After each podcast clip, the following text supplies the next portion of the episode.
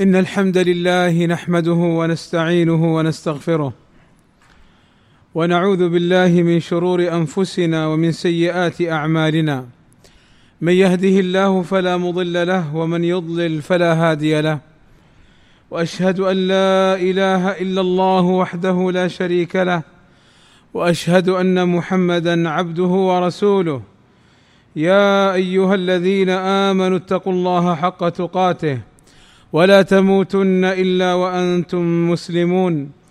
يا أيها الناس اتقوا ربكم الذي خلقكم من نفس واحدة وخلق منها زوجها وبث منهما رجالا كثيرا ونساء.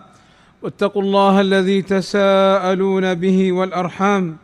إن الله كان عليكم رقيبا. يا أيها الذين آمنوا اتقوا الله وقولوا قولا سديدا. يصلح لكم أعمالكم ويغفر لكم ذنوبكم. ومن يطع الله ورسوله فقد فاز فوزا عظيما.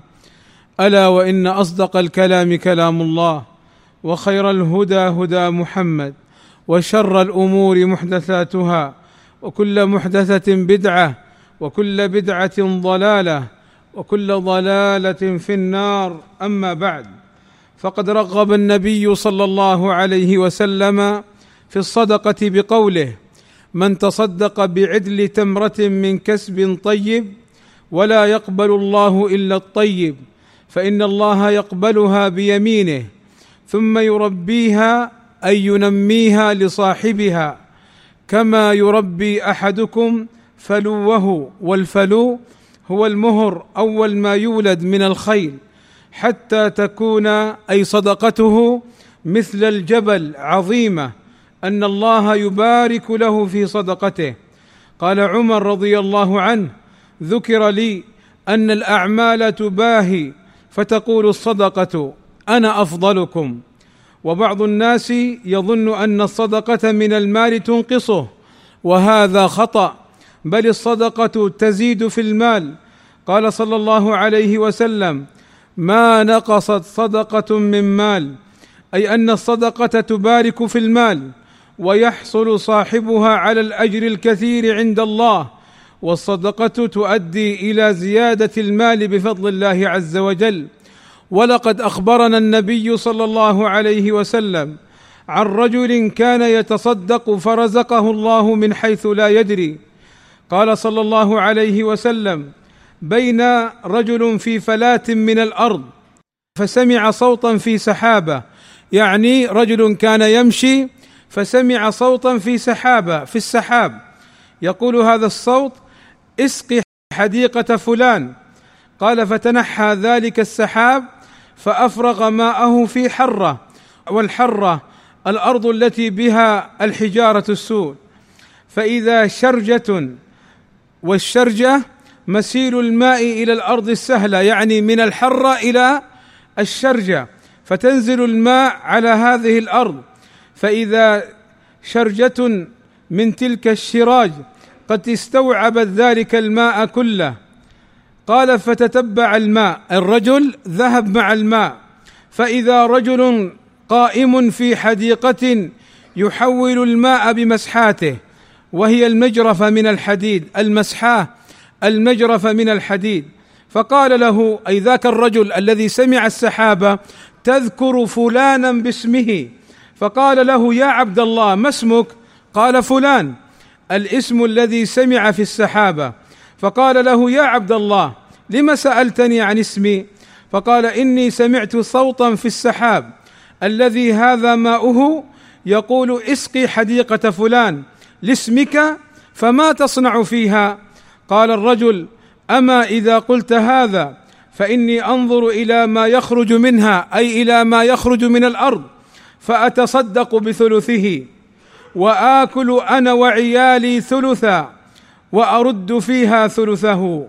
وتاملوا عباد الله في هذه القصة التي روتها أم المؤمنين عائشة رضي الله عنها وأرضاها أنهم ذبحوا شاة. فقال النبي صلى الله عليه وسلم ما بقي منها من الشاة؟ وعائشة رضي الله عنها تصدقت بالشاة إلا الذراع لأنها تعلم أن النبي صلى الله عليه وسلم يحب الذراع. فقال لها النبي صلى الله عليه وسلم ما بقي منها؟ فقالت عائشة رضي الله عنها ما بقي منها إلا كتفها. فقال صلى الله عليه وسلم بقي كلها أي عند الله من الأجر غير كتفها أي بقي عند الله من الأجر الذي يقدمه العبد.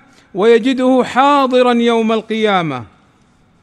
والمال الحقيقي ما ادخره العبد ليوم القيامة.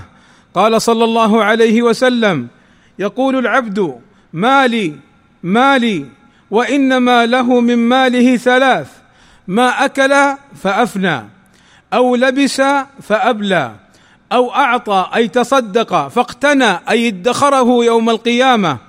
وما سوى ذلك فهو ذاهب وتاركه للناس أي بعد موته.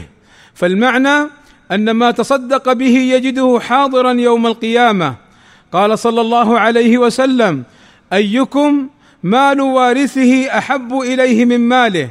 قالوا يا رسول الله ما منا أحد إلا ماله أحب إليه. فقال صلى الله عليه وسلم فإن ماله ما قدم أي ما تصدق به وأعطى فيه حق الله وبذل في سبيل الله عز وجل. فقال صلى الله عليه وسلم فان ماله ما قدم ومال وارثه ما أخر أي ما مات وتركه. والله أسأل لي ولكم التوفيق والسداد وأن يغفر لنا الذنوب والآثام إنه سميع قريب مجيب الدعاء. الحمد لله رب العالمين والصلاة والسلام على المبعوث رحمة للعالمين وعلى آله وصحبه وسلم أجمعين. عباد الله والصدقة ستر للعبد من النار وحجاب للعبد من النار.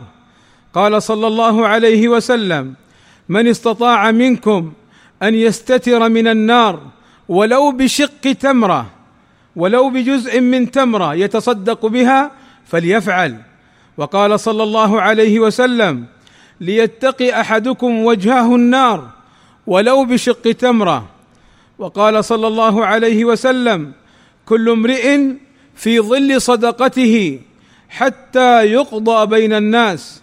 فكان الراوي الذي روى هذا الحديث كان لا يخطئه يوم إلا تصدق فيه بشيء ولو كعكه ولو بصله يتصدق امتثالا لهذا الحديث. والصدقة عباد الله تطفئ الخطيئة. قال صلى الله عليه وسلم يا كعب بن عجرة الصلاة قربان والصيام جنة. والصدقة تطفئ الخطيئة كما يطفئ الماء النار. يا كعب بن عجرة الناس غاديان. فبائع نفسه فموبق رقبته ومبتاع نفسه فمعتق رقبته. الناس غاديان يعني يذهبان غدوة. فبائع نفسه باع نفسه فموبق يعني أوبق نفسه وأهلكها. ومبتاع ومشتري نفسه من الله فمعتق رقبته أي من النار. فتصدقوا عباد الله وراقبوا أنفسكم في أموالكم واستعدوا لليوم الآخر. اللهم ارض عن الخلفاء الراشدين أبي بكر وعمر وعثمان وعلي وعن جميع أصحاب النبي صلى الله عليه وسلم وعنا معهم بمنك وكرمك. اللهم آتنا في الدنيا حسنة وفي الآخرة حسنة وقنا عذاب النار. اللهم فرج همومنا واكشف كروبنا ويسر أمورنا.